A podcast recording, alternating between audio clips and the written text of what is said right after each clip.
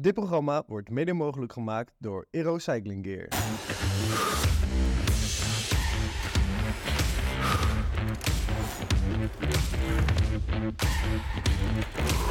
Welkom bij een eh, nieuwe aflevering van Cycling Insight.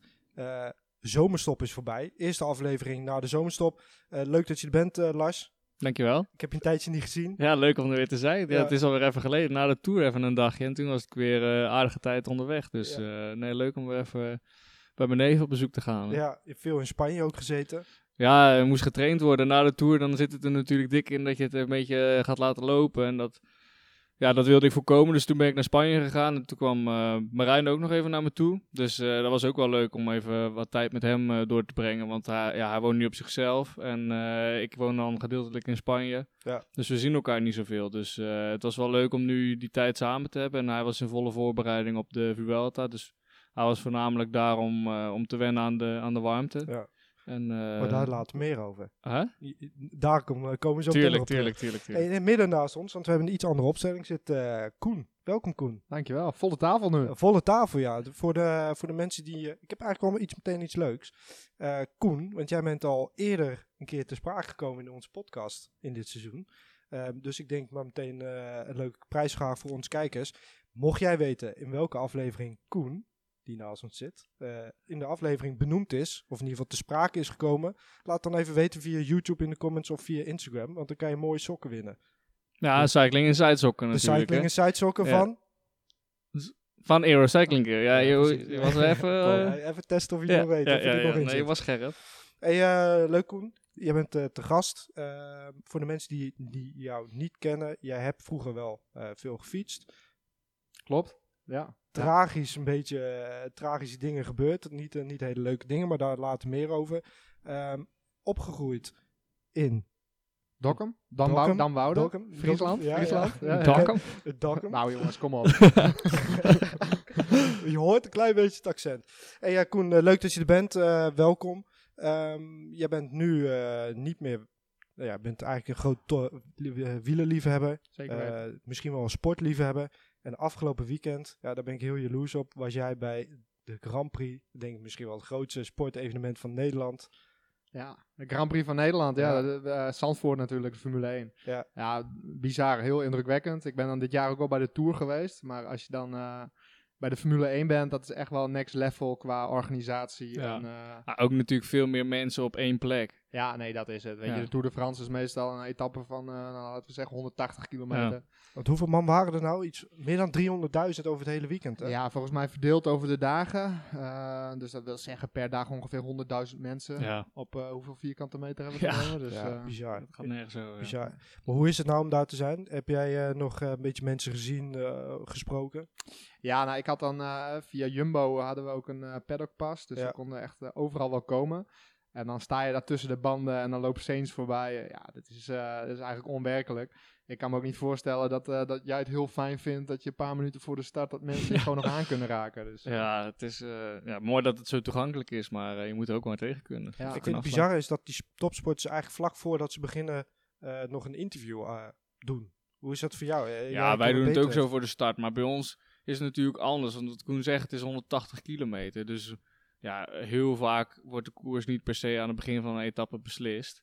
En terwijl ja, een eh, Formule 1 wedstrijd wo- is natuurlijk een hele grote, eh, het groot be- belangrijk punt van de hele wedstrijd is de start. Dus ja, eh, dat Ik- maakt het natuurlijk wel anders. Ik denk dat je het een beetje kan vergelijken met een, met een tijdrit eh, met wielrennen. Hm. Dan zul je eigenlijk ook niet zien dat ze een paar minuten voor de start nog een interview Nee. geven. Dan heb je meer die, die focus voor Ja. de wedstrijd. En eh, dat maakt het wel gek dat je voor die tijd nog gewoon eh, die jongens eigenlijk aan kan raken. Ja. Maar we hebben geen Formule 1 podcast, jongens. We hebben Nee. het over wielrennen. Dus eh, terug. eh hey Lars, even bij jou beginnen. Want we, je hebt de Tour de France gereden. Ja. Best wel een lange zomerstop eh, achter de rug. Alleen jij hebt niet stilgezeten. Hoe was het om eh, voor het eerste Tour te rijden? Ja, dat was natuurlijk super speciaal. Niet dat ik een hele lange zomerstop eh, heb gehad, daar ben ik het niet helemaal mee eens. Maar eh, nee, de Tour, eh, laten we daar eerst even mee beginnen. Dat was gewoon super mooi. Ik werd vrij last minute opgeroepen. En nou ja, vanuit daar was het gewoon een hele bijzondere ervaring. Allemaal de eerste keer, zoveel mensen. Het is echt een wereld van verschil met alle andere koers. Ik heb natuurlijk twee keer de, de Giro gedaan. Maar je hebt wel echt eh, alle World Tour wedstrijden en dan heb je de Tour. Het niveau was ook eh, ja, belachelijk hoog. Ah. En, ik merk nu ook wel, ik heb dan de afgelopen week eh, Hamburg gereden en Renewy Tour. En je merkt gewoon wel echt dat als je dan de Tour zo in de benen hebt, dat je gewoon nog weer een stap hebt gemaakt. En dat je nog weer, nog weer een stuk sterker bent. Ik had wel nog na de Tour ook gelijk San Sebastian gereden het weekend erna.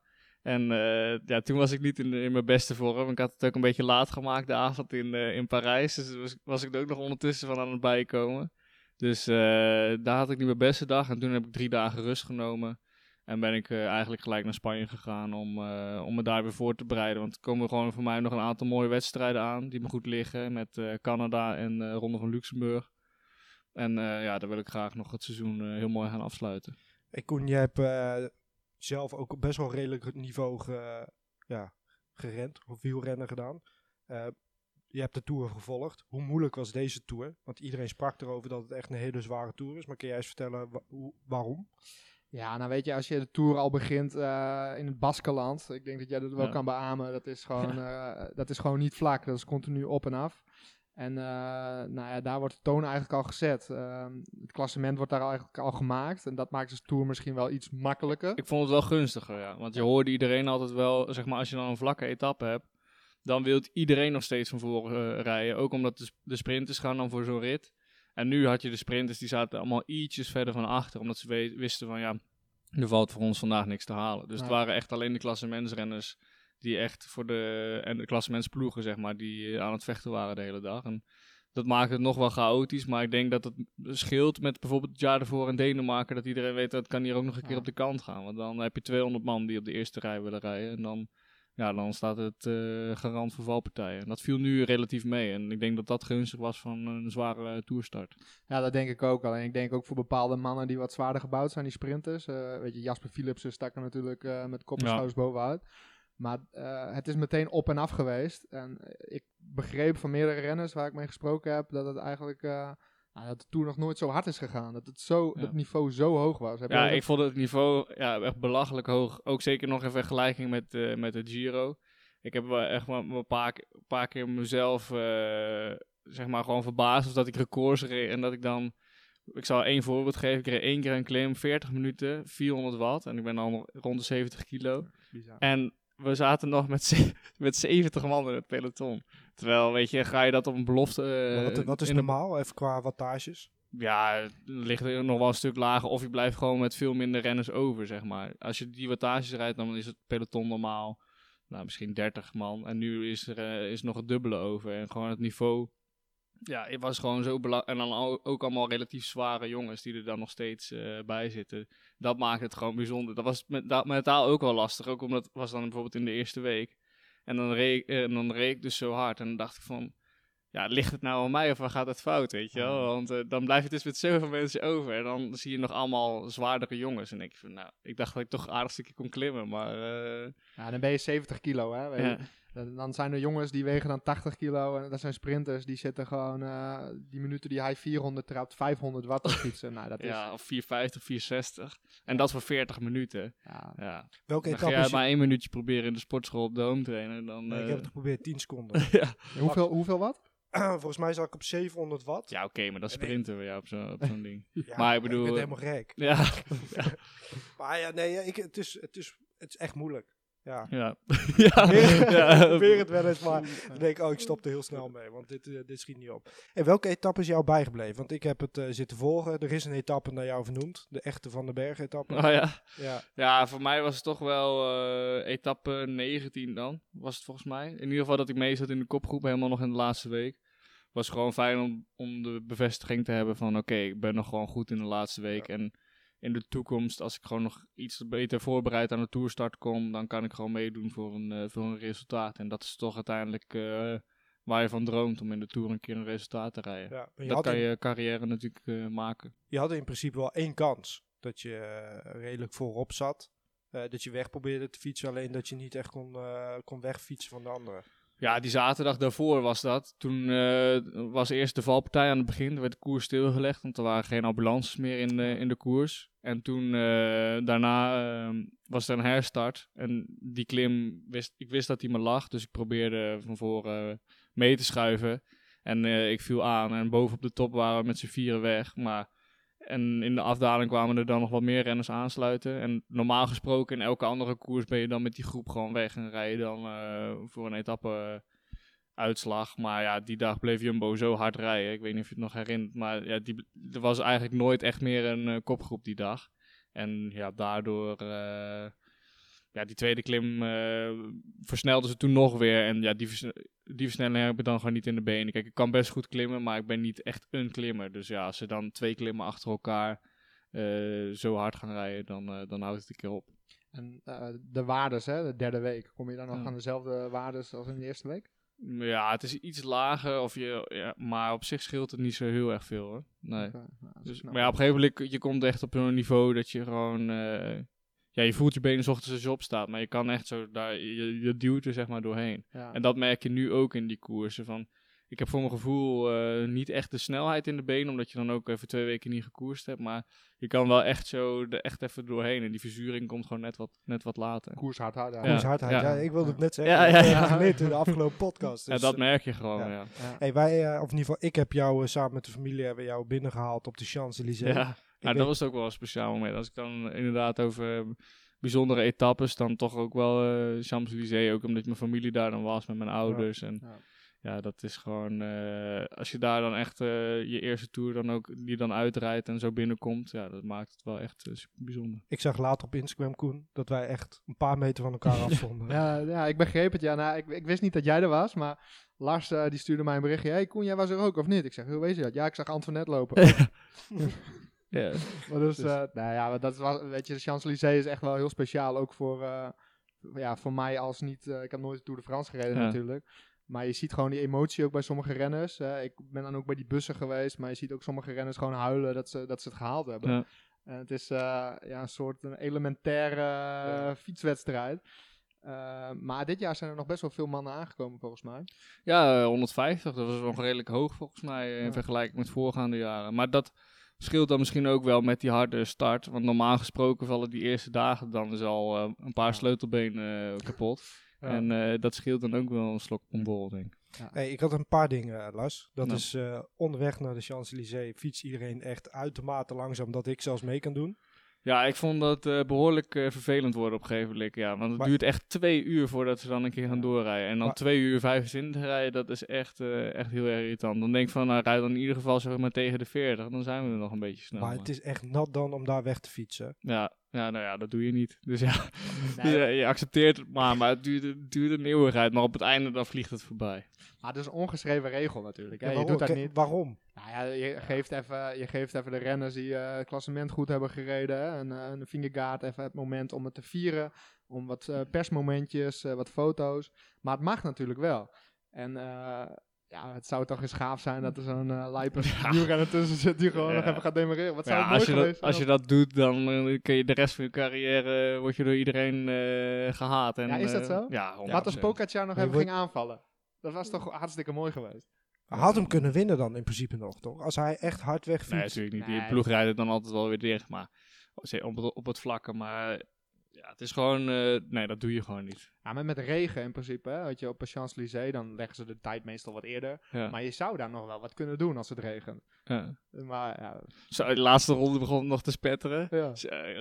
Die scheet ik zeven kleuren hoor. Ja. Het werd gelijk zo glad eh, in die laatste bocht. eh, zeg maar om de Arc de Triomphe. Ja, het begon zo echt zo echt te druppelen. En toen zag je iedereen al echt zo, echt zo heel voorzichtig worden. Oh, die heb ik, eh, die heb ik even gemist. Dat was dan echt een lokale bui. Want Ja, het waren eh, echt zo'n paar, eh, paar spetters. En het lag gelijk, eh, gelijk glad. ja. Ja, dan moet je maar eens proberen, Niels. Met, met regen over kasseitjes heen fietsen. Dan Ja, en dan in die bocht. En dan zeker dan in zo'n stad waar natuurlijk allemaal olie op de weg ligt van alle auto's en zo. Ja. Hey Koen, kan je even vertellen, hoe moeilijk is het om over de kasseien in te rijden? Ja, hoe moeilijk is het? Ik, ik, ik vond het altijd heel leuk om over de kasseien heen te rijden. Ik heb ook wel meerdere keren zo'n eh, een keienprijs gewonnen Ja. van een elitekoersje met kasseien. Maar eh, ja, eh, voor iemand die het nog nooit gedaan heeft, je moet een beetje een gevoel creëren, denk ik. En je moet niet bang zijn. De meeste mensen willen heel statisch over die kasseien heen Ja. rijden. Je Maar misschien ook even uitleggen vanaf het begin jou een beetje jouw wielercarrière. Want dat hebben de mensen Ja. natuurlijk nog niet echt... eh, ja, ja, goed, dan kon er naar een kleine ezelsbruggetje maken. Want Ja. er is een, echt een fikse valpartij geweest in de Tour. Maar jij hebt ook zelf een flinke valpartij meegemaakt. De 34e ronde van Bedem? Bedem. ja. Kun je daar iets eh, meer over vertellen? Want ik, ik zat het te lezen en toen dacht ik, zo. Ja, nee, dat was wel heftig. Eh, ja, de Ronde van Bedem is een criterium eh, in Ja. het noorden van Nederland. Eh, ik kwam ook uit voor de Noordelijke Wielervereniging Groningen. Dat is tegelijkertijd ook de organisatie van de Ronde van Bedem. En de Ronde van Bedem is dus altijd wel best wel belangrijk voor, voor onze club om daar goed te presteren. Dat jaar daarvoor werd ik, werd ik tweede. Ik was met twee mannen weg en nou, die konden niks meer. En die zei, rij maar, rij maar, rij maar, rij maar. Eh, jij mag wel winnen, want ik kan niet meer. En uiteindelijk wel het wiel er nog even voordrukken dat ik tweede werd. Nou, dat Dat gevoel is ook een was- soort ongeschreven regel. ja, dat Ja. mag ook niet. Je kan hem wel afmaken, ja. Ja, nou, dat is ook wel een dingetje geworden. Maar Ja. eh, dat jaar daarna, eh, ja, weet je, criterium rijden, dat, eh, het is niet echt een doel of het is niet echt een piekmoment. Maar ik was op dat moment gewoon wel goed en ik wou de Ronde van Benum gewoon een keertje winnen. En eh, nou, op een gegeven moment, eh een derde van de koers reed er een kopgroepje weg. Eh, toen deed Elmar Reinders volgens mij ook nog mee. Mhm. eh, sprong ik mee. De wind kwam van rechts langs de vaart. En we zaten dus links van de weg. En voor mij sturen ze net uit voor een, nou, zo'n zo'n bloembak. Weet je wel. Ah ja, ja. Ja, en nou, zoveel rondes daar al in mijn leven gereden. Maar op dat moment was ik net te laat met meesturen naar rechts. En ik spring er nog overheen. Maar ik raak een, eh, ik raak een, ja, een, een plant met, met mijn stuur. En ik word gelanceerd. Met, eh, met 50 tegen een betonnen paaltje aan.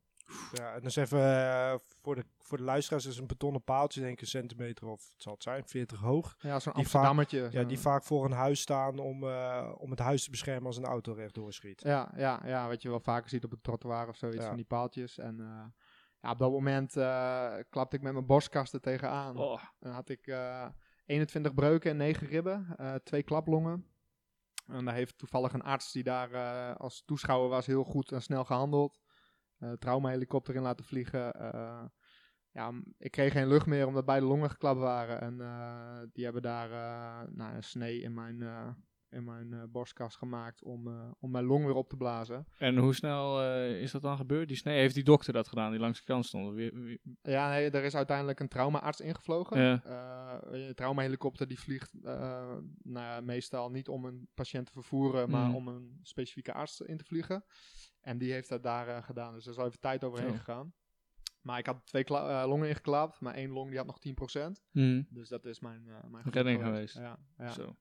Dus dat, eh, dat was wel heftig. Eh, zelf heb ik daar niet zoveel van meegekregen. Voor mij was het vooral heel heftig dat mijn dierbare mensen, die waren eh, ja, heel emotioneel. En was Geschrokken, denk ik. Heel geschrokken, ja. Ja. Dus ehm, ja, na die tijd heb ik nooit meer echt de ambitie gehad om, om wedstrijden te gaan fietsen. Heb ik nog wel gedaan, maar ja, wel met een bepaalde angst. Dat zit nog altijd in mijn hoofd. Ja, nu ja, ben je denk ik, is, is het je hobby? Ja, zeker. Doe je nog steeds wel eh, redelijk eh, fanatiek, denk ik. Ja, altijd te weinig voor mijn gevoel. Want eh, weet je, dan hebben we het over wattages. En dan vergelijk ik dat met een paar jaar Ja. geleden. Maar dan ben ik ook een aantal kilo zwaarder geworden. Dus dat is niet eh, Hoeveel kilo geleden is het? ja, 20 kilo geleden. ja. ja. Nee, maar ik, ik mis die competitie mis ik wel heel Ja. erg. Ik heb dit jaar toevallig bij de amateurs een koersje gereden. Want ik, kon het niet laten. En, nou ja, ik heb twee gereden. De eerste die won ik dan. En de tweede eh, was een amateur die reed lekker voor mij. En die stuurt gewoon een bocht in met een lekke band. ik er eroverheen, fiets door midden. Dus ja, daar ben je er op een gegeven moment ook wel weer klaar mee. En, eh, maar ik mis die competitie en eh, die zoek ik nog altijd een beetje op. ja, en ik denk dat het altijd in mij zou blijven. Eh, dat, gaat nooit, dat gaat er nooit meer uit. Nee, zou je eh, nog ergens mee willen doen dit jaar, volgend jaar? Ja, volgend jaar, eh, ik, ik, ik benoemde het net al even voor de, voor de podcast, maar eh, ik heb een gravelbike eh, gekocht. En eh, ja, het lijkt me wel heel vet om een keer een WK te rijden. Ja. Eh, ik denk dat dat mijn enige kans is om een WK te mogen rijden, want je kan je plaatsen als je ik, nou, een paar keer top 50 rijdt of top 30 rijdt. En eh, niet denigreren naar een paar jongens, maar ik zie jongens die, die plaatsen zich, dan denk ik van ja, dat, kan, dat, moet, dat Ja. moet mij ook lukken. Nou, mooie, mooie ambitie toch? Ja, Mooi doel. Hey, want je, wat doe jij nu? Want je bent toen gestopt, denk ik, met fietsen daarna. Of Hoe lang is jouw herstel geweest? Ja, ik, ik, eh, in juni ben ik gevallen. En eh, ik had altijd nog de ambitie om eh, nou, bij een speciale eenheid eh, van Defensie te gaan, Ja. eh Korps Commando troepen. Ik heb toen een half jaar later eh, eh, de selectie gedaan. Nou, dat zijn drie dagen eigenlijk, waar je, waar je eigenlijk afgebuld wordt. Eerst heb je een paar fysieke eisen, harde eisen. En dat was voor mij wel een punt dat ik dacht van, eh, ja, nu ben ik volledig hersteld. Want nu heb ik bepaalde eisen gehaald wat niet voor iedereen eh, te behalen is. Eh, dus dat is best wel snel gegaan. Dat, dat komt ook wel omdat ik een redelijk goede conditie had, denk ik. Alleen mentaal merk ik nu nog steeds wel dat ik net even wat eerder in de remmen knijp. En eh, ook in het verkeer ben ik gewoon best wel voorzichtig. En het schiet gewoon continu door mijn hoofd heen. Het is eigenlijk een voor- zo- vorm van een trauma wat je hebt opgelopen. Ja, ja zo wil ik het niet bestempelen eigenlijk. Maar, Maar, het is het wel. maar het is het wel. ja. maar ik denk dat Lars wel eh, dat, dat misschien ook wel kan nou, ja, Ja, tuurlijk, benoemen maar- hoe belangrijk het angst is in wielrennen. Ja, nee, eh, ik heb al vaker aangegeven dat ik... Ik ben natuurlijk ook een aantal keer heel hard gevallen. En eh, sinds dit jaar heb ik daar ook wel iemand voor, eh, ja, hoe zeg je dat, eh, opgezocht. En eh, daar spreek ik regelmatig mee, omdat ik gewoon ook wel angstig werd. En als je dan gewoon beperkt wordt, dan, eh, ja, dan kan je niet meer en ervan genieten en je kan niet vrij uit koersen. Ja. En ja, als je eenmaal ongelukkig bent, dan is er, is er weinig meer aan. Dus nee, ik spreek regelmatig met iemand daarover. En het gaat nu een stuk beter. Ik zou nog niet zeggen dat ik nog steeds een held ben op de fiets. Zoals van de week in de Renewy Tour. Dan kan ik daar nog steeds niet van genieten als het zo chaotisch is. En dan ben ik toch de eerste die een beetje van achter rijdt. En ik weet dat ik dan eh, af en toe nog redelijk wat kan corrigeren. En ja, die manier van rijden, dat is nou eenmaal eh, hoe het voor mij is. En, en daar kan ik goed mee leven. Maar eh, ja, sommige jongens die nemen risico's. eh, ja, daar kan ik me gewoon niet, eh, niet in vinden. En ook als je dan zoals van de week weer ziet eh, in het verkeer dat die jongen van, eh, van eh, Lotto Destiny is overleden. Ja, dan, dan weet je gewoon, op je fiets zijn het gewoon geen spelletjes. In training niet en in, in, in wedstrijden ook niet. Nee. En eh, ja, dat moet je gewoon, vind ik wel gewoon in je achterhoofd houden. En eh, sommigen zeggen dat je dat niet moet doen, maar ik vind van wel. En eh, Ja, ik heb uiteindelijk is, zijn het geen spelletjes en eh, wil ik gewoon graag weer eh, thuiskomen zonder eh, ernstig letsel. Nou, ik heb jou nu eh, voorbij zien komen dan op Champs-Élysées. En Mm. dat gaat echt met een snelheid dat je echt denkt, zo. Ja, maar daar is iedereen dan nog voorzichtig, want iedereen weet van oké, dit is de laatste dag, wil finishen. Die klassementsrenners, die geven er niks meer om. eh, het gaat puur alleen om, om de sprint.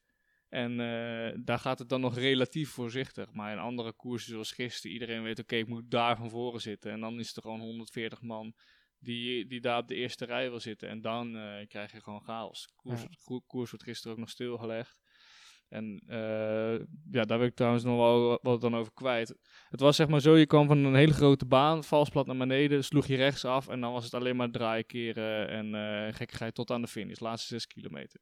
Nou, iedereen was het erover eens, zeg maar, in het peloton dat het nergens op sloeg.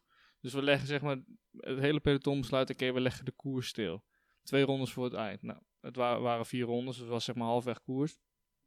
Nou, we stoppen.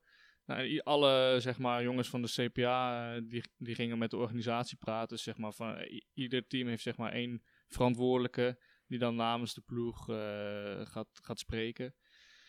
Nou ja, en dan eh, waar komen ze dan uiteindelijk mee? Ja, we neutraliseren de tijd op 6 kilometer van de finish. Dus zeg maar aan de voet daar.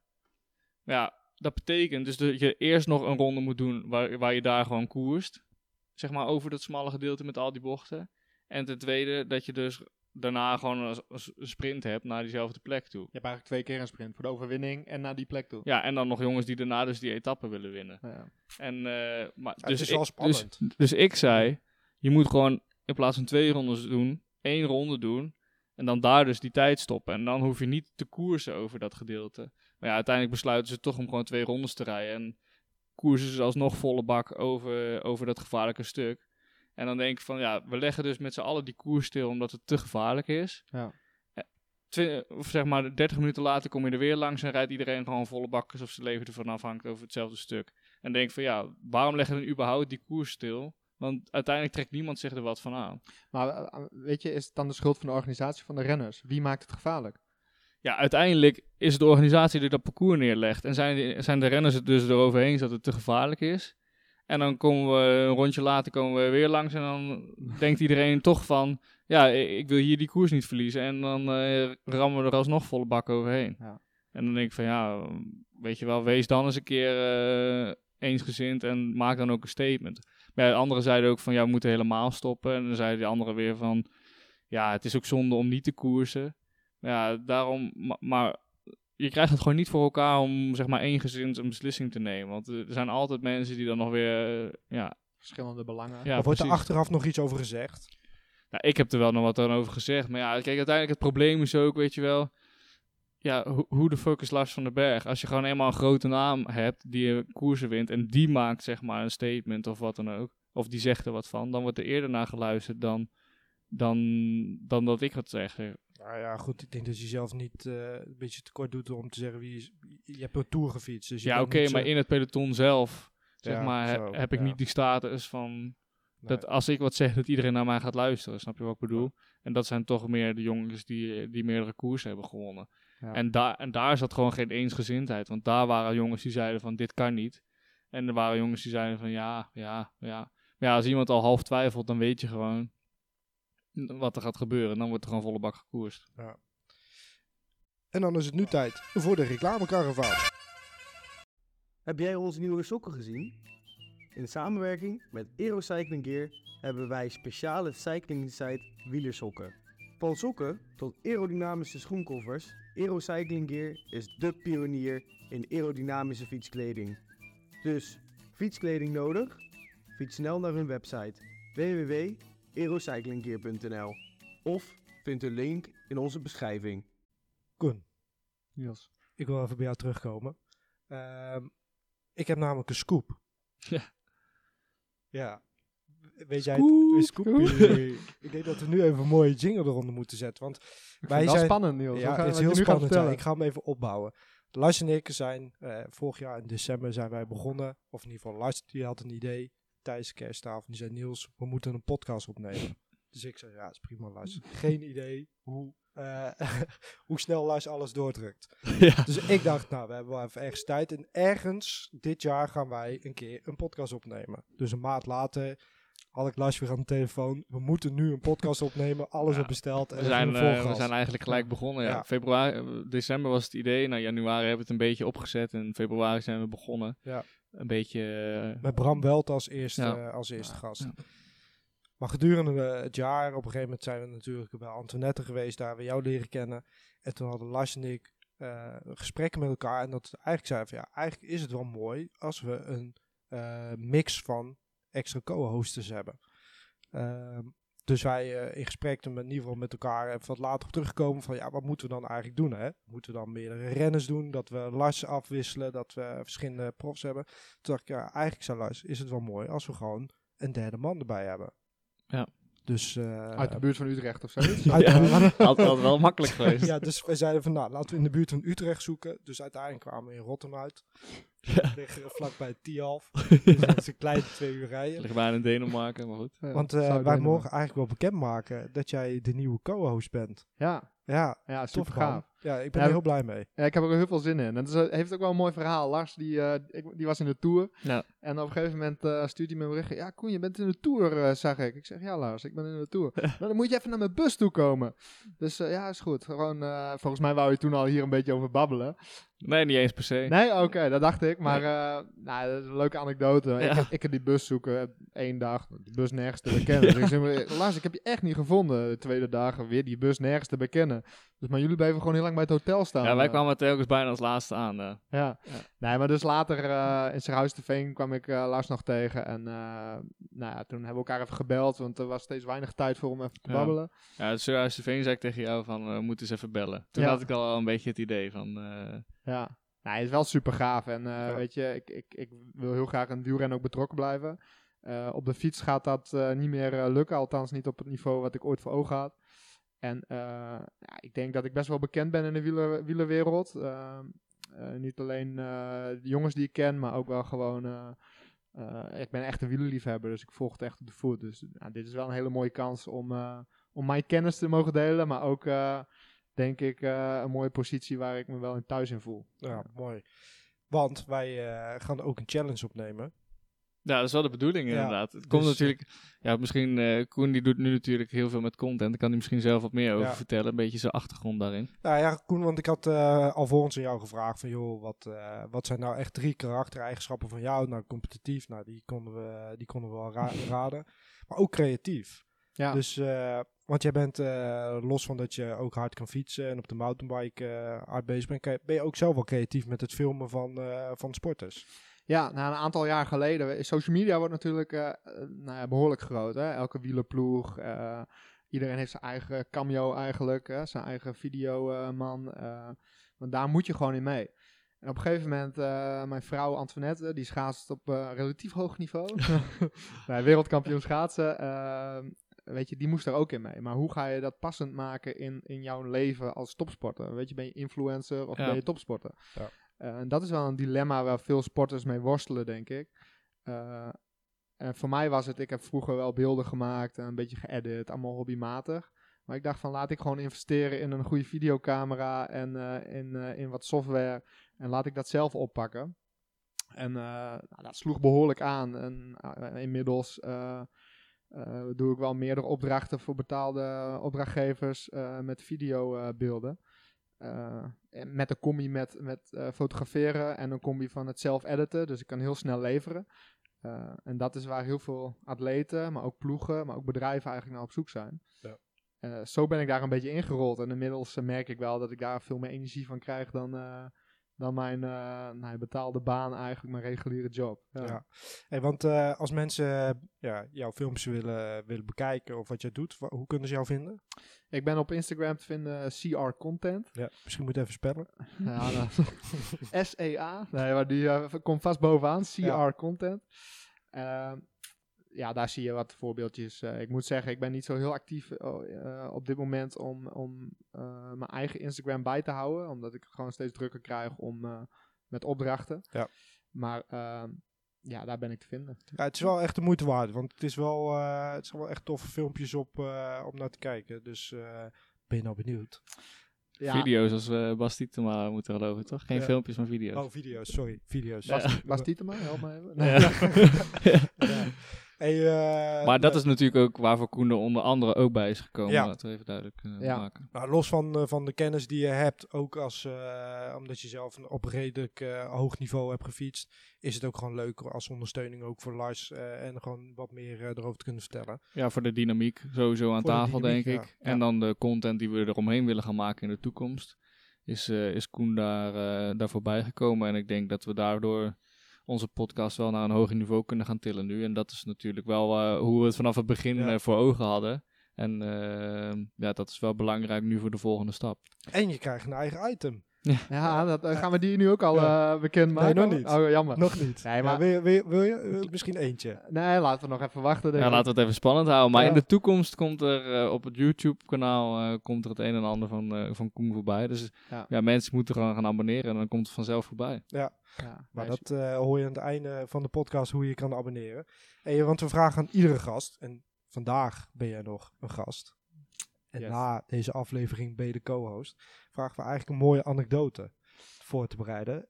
Ja, nou, ik, ik moet zeggen, ik heb het niet echt voorbereid, maar ik heb wel een leuke anekdote over, over, ook, hè, over Cycling Insight en over eh, hoe ik jullie eh, nou ja, tegen het live eh, ben gelopen eigenlijk. Maar Weet je, een aantal maanden geleden, toen nam ja, volgens mij Lars contact met mij op. Ja, ja. Over, nou, jullie wouden graag Antoinette wel in de podcast, omdat, nou, Antoinette die fietst ook wel veel, die fietst parcoursjes, vindt ze superleuk. En eh, nou, dat was wel passend in jullie podcast, superleuk natuurlijk. Lars van den Berg die belt me op. Van, eh, kan Antoinette een keer in de podcast? Dus ik zeg, ah, joh, Lars, ze zit midden in het trainingsschema. Ja. jongen, wat, wat, wat wil je nou? Moeten we helemaal naar Utrecht komen? Jongen, jongen, jongen. Dus ik zeg, ah, ik vind het prima, Lars. Maar dan moet je wel hier naar Tialf heen komen. Nou, prima. Dat kon allemaal wel. Ik een ruimte geregeld in Tialf. Super. eh, nou, ik denk een goede ruimte toch, eh, Niels? Of- Ja, kantoor van Jumbo. Of Kantoor van Jumbo. vergaderruimte van Jumbo. Ja, heb je daar nog gezeur mee gehad? Nee. Nee, oké, dan is het goed. En eh, Lars die komt eraan en eh, die had, Lars had net een telefoontje gehad eh, van de ploeg. En Lars die, eh, ik zeg, eh, moet je nog koersen aankomende weken? Ja, ik rijd NK en eh, daarna ging je naar de... Tour, ja. Dus op dat moment voelde ik me echt knap lullig, want ik helemaal eh regelde dat jullie maar hierheen moesten komen, omdat Tante net in de voorbereiding zat van een wedstrijd die pas eh, eind oktober is. En eh, Lars die ging naar de Tour. Dus eh, weet je, een kleine anekdote. Maar daar heb ik me echt wel schuldig om gevoeld. Ja, dat geeft niks. Sorry. Dat geeft niks. Nee, Ik was, we hadden het sowieso al gepland dat ik die dag onderweg was. Dus eh, dat vind ik eigenlijk ook niet erg. Kijk, zoals vandaag, dan ben ik, heb ik ook de dag vrijgehouden. En dat vind ik ook leuk. Dat is ook waarom ik die podcast ben, eh, ben begonnen. Om gewoon dingen ernaast te doen. En niet puur alleen de wielrenner te zijn. Natuurlijk kost het dan af en toe wat energie. En is misschien het herstel niet perfect. Maar ik probeer het zo te plannen dat dat zo goed mogelijk en synchroon mogelijk loopt. En daarvan heb ik ook vaak wel de ondersteuning vanuit Niels vooral.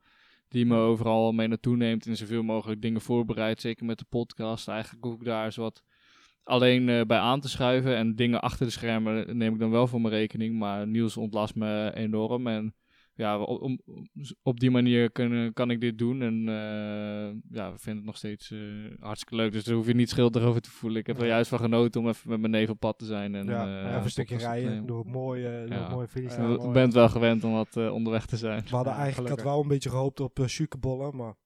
Ja. Ah, sorry. Het was karig. eh, Ja. Ik had ook gehoopt op nootjes. Jumbo, hè? want eh, ik, Ja. ik begreep dat er wel eens nootjes op tafel staan, maar volgens mij Vandaag niet. Nou, vorige keer eh, ze waren die in één keer allemaal opgegeten door Leo. Dus, dat, Ah ja. dus we doen het niet meer. Hey, eh, ja, leuk man. Dus vanaf Ja. volgende week eh, ben je er elke week bij. Ja, ik heb elke twee weken. ja, super veel zin in. En daarnaast, eh, weet je, jullie zijn super ent- enthousiast, maar ook ambitieus met heel veel Ja. mooie dingen. En daarover later meer, denk ik. En eh, weet je, vandaag hebben we het ook al best een drukke dag met eh, dingen die eh, later Ja. bekend worden. Ja, Alleen, eh, nou ja, het duurt even wat langer, hè, Lars. ja. Hey, jongens, ehm, we gaan er een einde aan maken. Aan, niet, eh, maar aan de podcast eh, aflevering. Ja. Dus eh, ik wil jou bedanken, Koen, Jullie bedankt. voor je, voor je aanwezigheid. Check. En eh, Lars, ook jij bedankt. En heel veel succes. Wat staat er trouwens voor jou eh aankomende tijd op de planning? Ja, Canada. Ik ga naar Canada, Quebec, Montreal. En daarna eh, Luxemburg en dan de najaarskoers in Italië. En dan zit het seizoen er alweer op. Het is nog vijf, zes weken, dus eh, het vliegt voorbij. Ja. Ja. Hey, trouwens, daar wilde ik nog even op terugkomen. Want eh, voordat we naar het einde gaan, eh, Marijn fietst nu, as we speak, Ja. de Vuelta. Eh, kan jij mij eens vertellen, hoe bijzonder is het eh, als je zo lang traint dat je dan de Vuelta mag fietsen? Ja, voor Marijn is het zijn eerste grote ronde. Hij keek er het hele jaar wel naar uit. En het was nog lang niet zeker dat hij, dat hij zou rijden. Maar hij reed dit jaar natuurlijk hartstikke goed. En op een gegeven moment heeft hij het wel op die manier eh, afgedwongen dat hij, dat hij mocht rijden. En nu eh, ja, is hij zelfs als een van de, van de kopmannen van start gegaan. En ja, is, is zijn ambitie om een rit te winnen en eventueel te kijken hoe ver hij kan komen voor, eh, voor de puntentrui. Dus ja, dat zijn, dat zijn grote ambities voor je Ja. eerste grote ronde. Maar ja, je- ik denk dat het zou kunnen om een rit, eh, om een rit te winnen. Dus ja, dan moet je het ook uitspreken en, eh, en ervoor gaan, eh, zeker weten. Dat dus, is de eh, rode trui, toch? de rode trui is de leiderstrui Ja. en de puntentrui is de groene trui. Oh ja. Dus hij gaat voor, voor de groene trui. Maar ja, eerst maar eens gewoon kijken of hij in de buurt van die etappe-overwinning kan komen. En al, al lukt het hem niet, moet ik heel eerlijk zeggen. Dan is het nog ja, gewoon heel goed om en sterker van te worden en veel van te leren voor, voor de komende jaren. Hij is altijd nog maar 24. Dus nou ja, ik denk gewoon heel goed dat hij daar nu eh, van start is gegaan. De eerste paar dagen in de ploegentijdrit. En eh, gisteren eh, heeft hij laten zien dat hij meer dan goed in orde is. En ja, hoe hij daar die klim oprijdt en bij de eerste boven komt, was zeer indrukwekkend. Dus Had hij hem kunnen winnen? ja, als. Ja, hij had hem kunnen winnen. Ik denk dat hij goed genoeg was. Dat zei hij zelf in ieder geval ook. Maar ja, als je. het is altijd als, weet je wel. Je, dus je weet het niet. Dus eh, ik hoop voor hem in ieder geval dat het nog gebeurt. Maar eh, ja, er zijn genoeg andere renners die ook hopen dat ze zelf wat gaan winnen. Maar, dus hij zal het moeten afdwingen. Dus eh, ik ga het op de voet volgen in ieder geval. Ja, ik ben in ieder geval trots. Ik had hem in ieder geval gevraagd Ja. of hij een rood shirtje voor mij mee wilde nemen terug. dus ik hoop dat hij het ook doet. Hey jongens, bedankt. Dit was weer een aflevering van Cycling Insight. Vind je ons nou echt helemaal leuk? Volg ons dan vooral even op Spotify, want wij hebben dat echt nodig. Eh, ook op YouTube zijn wij eh, te zien. Eh, subscribe, like en laat vooral een reactie achter. En dan heb ik nog één klein dingetje toe te voegen. Wij zijn als team voor de toekomst op, nog op zoek naar een video-editor. Dus Ja. ben jij iemand die daar heel goed mee is, dan zoeken wij nog iemand die Koen kan ondersteunen met het editen van, van video's. Dus laat dan via Instagram wat weten. We benaderen Niels in ieder geval. Ja. En eh, dan eh, hebben wij zeker een plekje voor jou. Ja, reageer gewoon op, eh, op Instagram. Kan je een, eh een DM'tje sturen. Eh, maar je kan ook even via onder de YouTube-video's kan je gewoon even reageren. O- of stuur even een mailtje naar info@cyclinginsight.nl. Perfect. Dus, eh hey, maar voor YouTube is het vooral belangrijk dat je reageert, subscribt en liked. Duimpjes omhoog. Ja. Dus duimpjes omhoog, dat is, eh, want wij worden nog het meest gevonden onder de aanbevelingen. Dus eh dankjewel, heren. ja, bedankt. Yes. En eh, dit was wederom een nieuwe, afle of een nieuwe aflevering van Cycling Insight na de zomerstop.